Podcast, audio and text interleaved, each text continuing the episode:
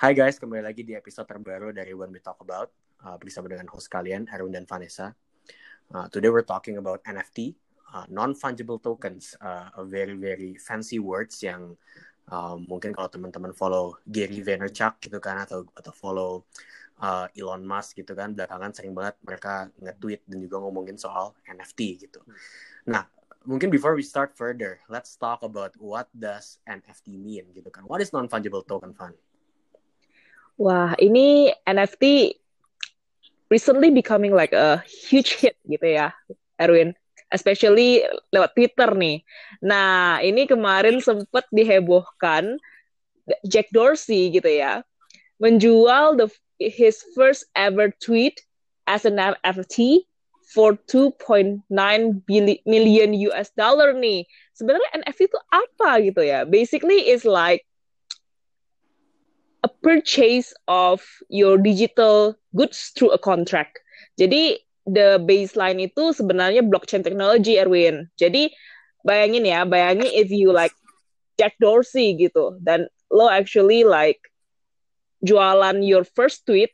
Nah, orang yang membeli itu got back the ownership of uh, the proof in terms of like these tweets untuk uh, kepemilikan dia gitu. Nah, ini sebenarnya akan really really good in terms of like securing the ownership of like either it's like artwork, music, uh, and potentially like maybe nanti nggak cuma Twitter gitu ya, istilahnya bisa banyak sekali gitu loh yang bisa kita explore in terms of securing the digital artwork and also like uh, digital goods contracts gitu.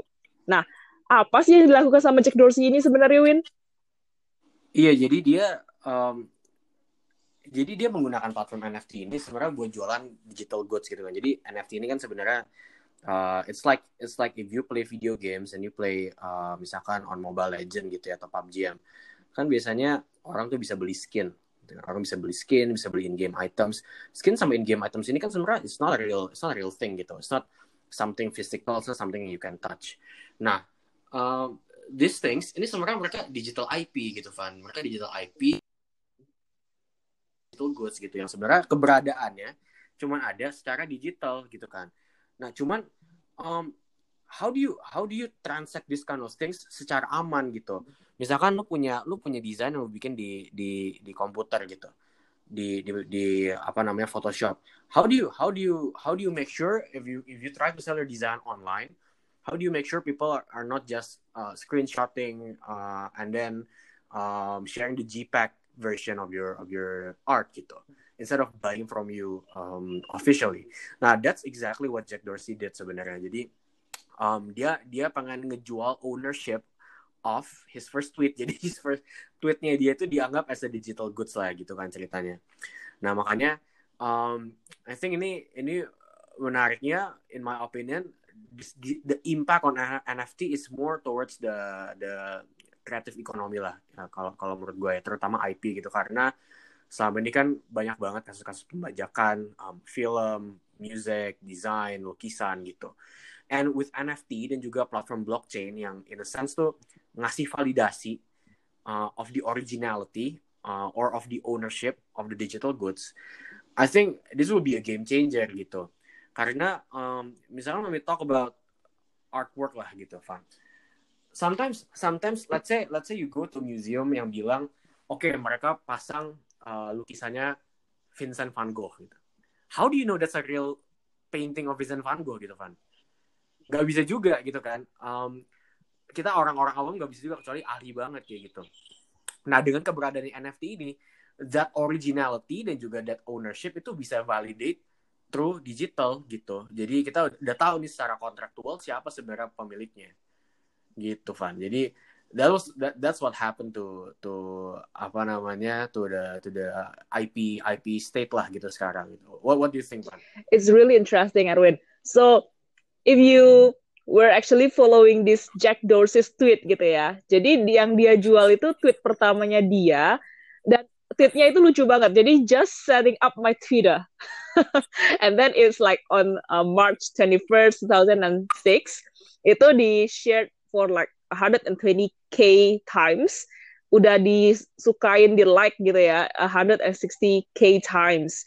Dan it's more into like really connecting the demand and also the supply because before NFT this kind of like business model is not there right ketika lo bisa transact or like transfer the ownership of like the digital goods in a very um, secure manner gitu dan istilahnya bahkan kepikiran gak sih ada yang orang yang mau beli tweet lo gitu misalnya gitu ya and then actually there is gitu loh. Jadi kemarin itu di purchase sama siapa gitu kan. Itu sama Sina Estafi gitu. CEO of the Melee Blockchain Service Bridge Oracle gitu. Nah, dan ini lucunya itu uh, dari segi transaksinya itu juga dipak uh, dibayarnya pakai cryptocurrency. Nah, ini kemarin itu dibayar pakai Ether. Terus itu dari Dorsey itu dia akhirnya try to give to the charity of the Africa Fund.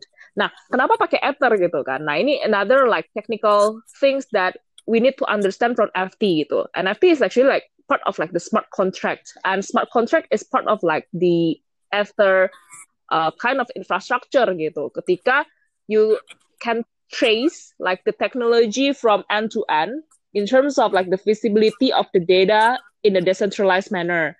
Nah, Ether ini kenapa yang dipakai untuk transaction because Ether can try to enable like the validation of smart contract. Nah, NFT ini sendiri adalah salah satu jenis dari smart contract gitu. Nah, seperti yang tadi kita udah ngobrol ya Win ya. Nah, di smart contract itu memang lebih banyak ke artwork. Nah, mungkin drawings, right? Music. Kemudian juga tweet gitu ya, tweet. Terus nanti mungkin bahkan yang yang menarik gini ya, kalau misalnya ini nge-booming, contohnya misalnya kayak um, saying, let's say like tweetnya Steve Jobs gitu, yang nah itu bisa dilelang juga gitu loh, yang istilahnya yang orang-orang terkenal yang udah istilahnya uh, unfortunately pass away gitu misalnya ya, dan ini the impact is not only for that person gitu, or the family, they also can try to transfer these kinds of like thing like into the charity. So it's more into like the pathway as well, Erwin. Erwin, yeah, it's very strategic to maybe the future charity it will be kind of like open up by NFT gitu. Nah, ini menarik nih makanya karena di sini we try to bridge like the technology with the demand of uh, artwork, drawings, music, and even like other digital goods gitu. Nah, tapi menurut lo gimana nih when in terms of like the practicality and also implementability-nya nih globally and also like in Indonesia? Um, kalau kalau uh, penerapannya, I mean, adoption of the technology sih uh, di Indonesia menurut gue mungkin masih agak jauh. Karena blockchain dan juga crypto aja di Indo juga adoption apa adoptionnya masih lumayan rendah. Tapi in the US it's it's picking up dan um, I think we're seeing a lot of mainstream artists and mainstream musicians yang akhirnya masuk ke arah sini nih gitu menggunakan ini. Jadi uh, to give you an example kayak Dead Mouse the DJ um, he he just launched a song on NFT terus um, Kings of Leon also did the same thing uh, launch his album fully on NFT and it's crazy karena um, if you if you think about it there's a lot of macro macro impact yang I think NFT can have now let's talk about the, the macro impact uh, fund. What do you think will be the macro impact on the economy uh, from NFT? I would say it might be a disruptors, right? Because this is something that is new, like even like to the to the global world, right? And then even something that we have been familiar about is also can be very kind of like an alien to the macro side, especially if you're talking about like macro, we are definitely need to relate this to the government, right? Uh, to the regulator, and even even from the regulator perspective, blockchain like cryptocurrency are still like an alien, you know what I mean? Jadi kalau misalnya kita udah bahkan bahkan yang kita obrolin soal blockchain, kita ngobrolin soal cryptocurrency aja udah sedikit lebih sulit gitu ya. Nah, NFT ini mungkin it will take several years, I would say, to be familiarized with the people gitu. Nah, cuma menariknya itu juga karena it's so niche, right? It's so it's so niche. Jadi in terms of like the practicality for or like forward looking in the future ini juga sedikit risky ya. Walaupun sebenarnya dari segi kalau misal infrastrukturnya sudah ready gitu in terms of like the blockchain technology, the practicalities, like everyone can have like a better adoption of this technology. Mungkin NFT can be a soaring rocket, right? Nah, tapi karena di sini kasusnya itu dia masih tidak terlalu familiar by the uh, kind of like the regulators and so on and so forth. So it's a little bit hard to be uh, kind of like affect directly to the macro level in a sense of maybe it's more into the investment and consumptions, right? Jadi kalau kita ngobrolin soal NFT itu sendiri, mungkin dia akan efeknya to the greater investment towards like something, or even like to the greater consumptions of something. Nah, tapi ini jujur I would say is really really like forward looking. As for now, even like the cryptocurrency is still uh, the the law, the law in like globally and Indonesia is still like not really secured yet. So I would say it's a little bit hard to say anything related to the mic uh, to the macro level. But again, I think I think in terms of like the idea, in terms of like the potential is there, Erwin ya. But in terms of implementation, nah ini ini ini question mark nih gitu. Ini question mark gitu. Nah, tapi how familiar uh, Indonesian people towards this NFT, Win? familiarity ada I don't think so ya karena kan juga baru mulai banget gitu dan um, it's it's a it's a trend yang sebenarnya uh, started in the US like end of last year I would say um, people are picking it up um, tapi I think uh, going back to the to the topic tadi yang talking about the the macro impact, I think it's it's it's massive gitu. Karena um, if you think about the usage of it gitu kan for the for the creative economy lah first thing first gitu kan.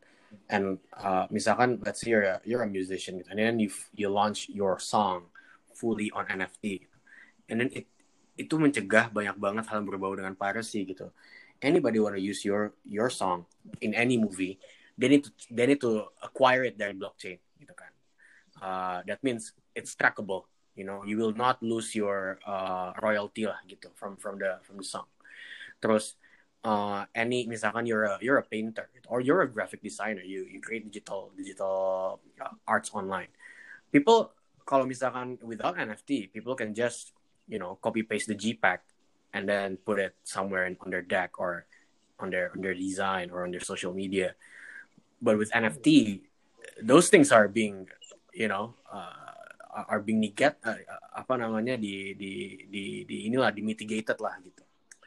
So I think on that on that sense for for artists for for uh, painters and musicians it's it's massive. That is not just for painters and musicians in my opinion gitu. Um, what about what about property? Gitu kan. Uh, what about the ownership of land misalkan? It's been it's been a major problem di Indonesia for for the government terutama uh, when you talk about uh, kayak the the validation of of the ownership of something gitu kan. Hak milik lah gitu. Hak milik guna bangunan hak milik guna ta guna tanah segala macam.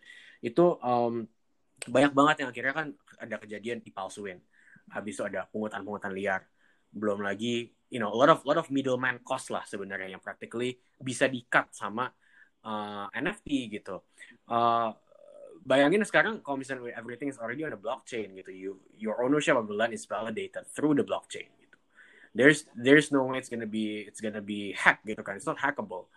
Terus deh gitu, um, aside from land, I'm thinking juga misalkan let's say if you know you know remember back in the back in the 60s and 70s uh, Orde Baru Harto dulu ada namanya Pronas, Van. Remember that Pronas program nasional transmigrasi nih dari dari dari kota-kota besar yang udah overpopulated ke daerah-daerah, right?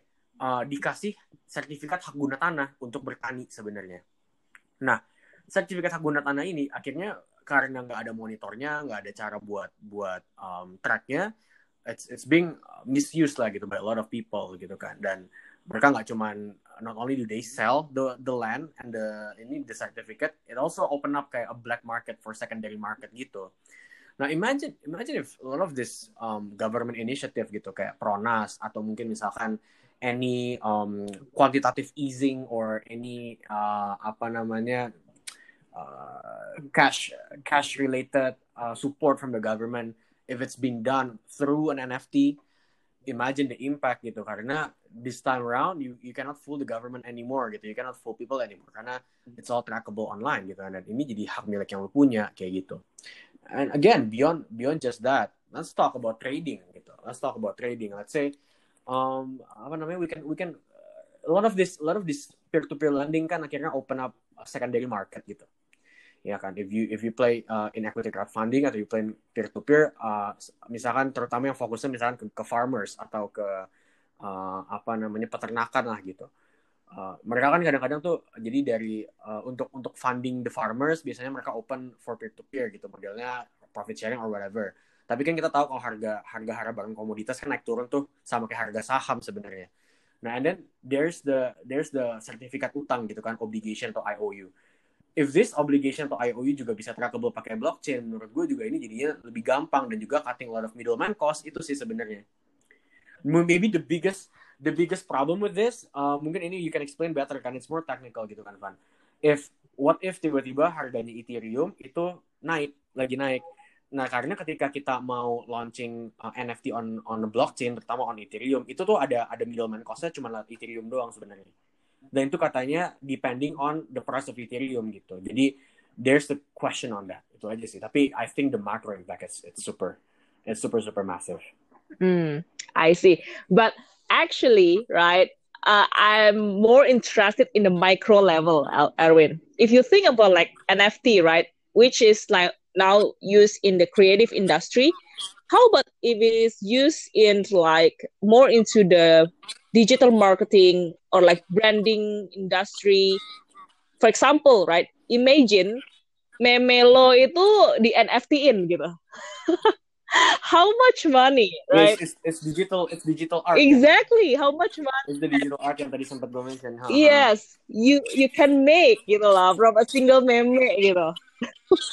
Atau kayak slogan gitu kan kayak atau slogannya sesuatu gitu yang kayak now it's like very uh, usable for like a lot of industry. Nanti orang yang bikin meme uh, istilahnya slogan itu atau meme itu yang ya dapat keuntungannya because he or she is just like being so creative right? But the creativity is like on another level right? To the micro industry that let's say is more into like digital uh, digital marketing gitu atau yeah gitu yeah, ya. yeah. and and let's not, not not just about meme though. Imagine imagine writers right?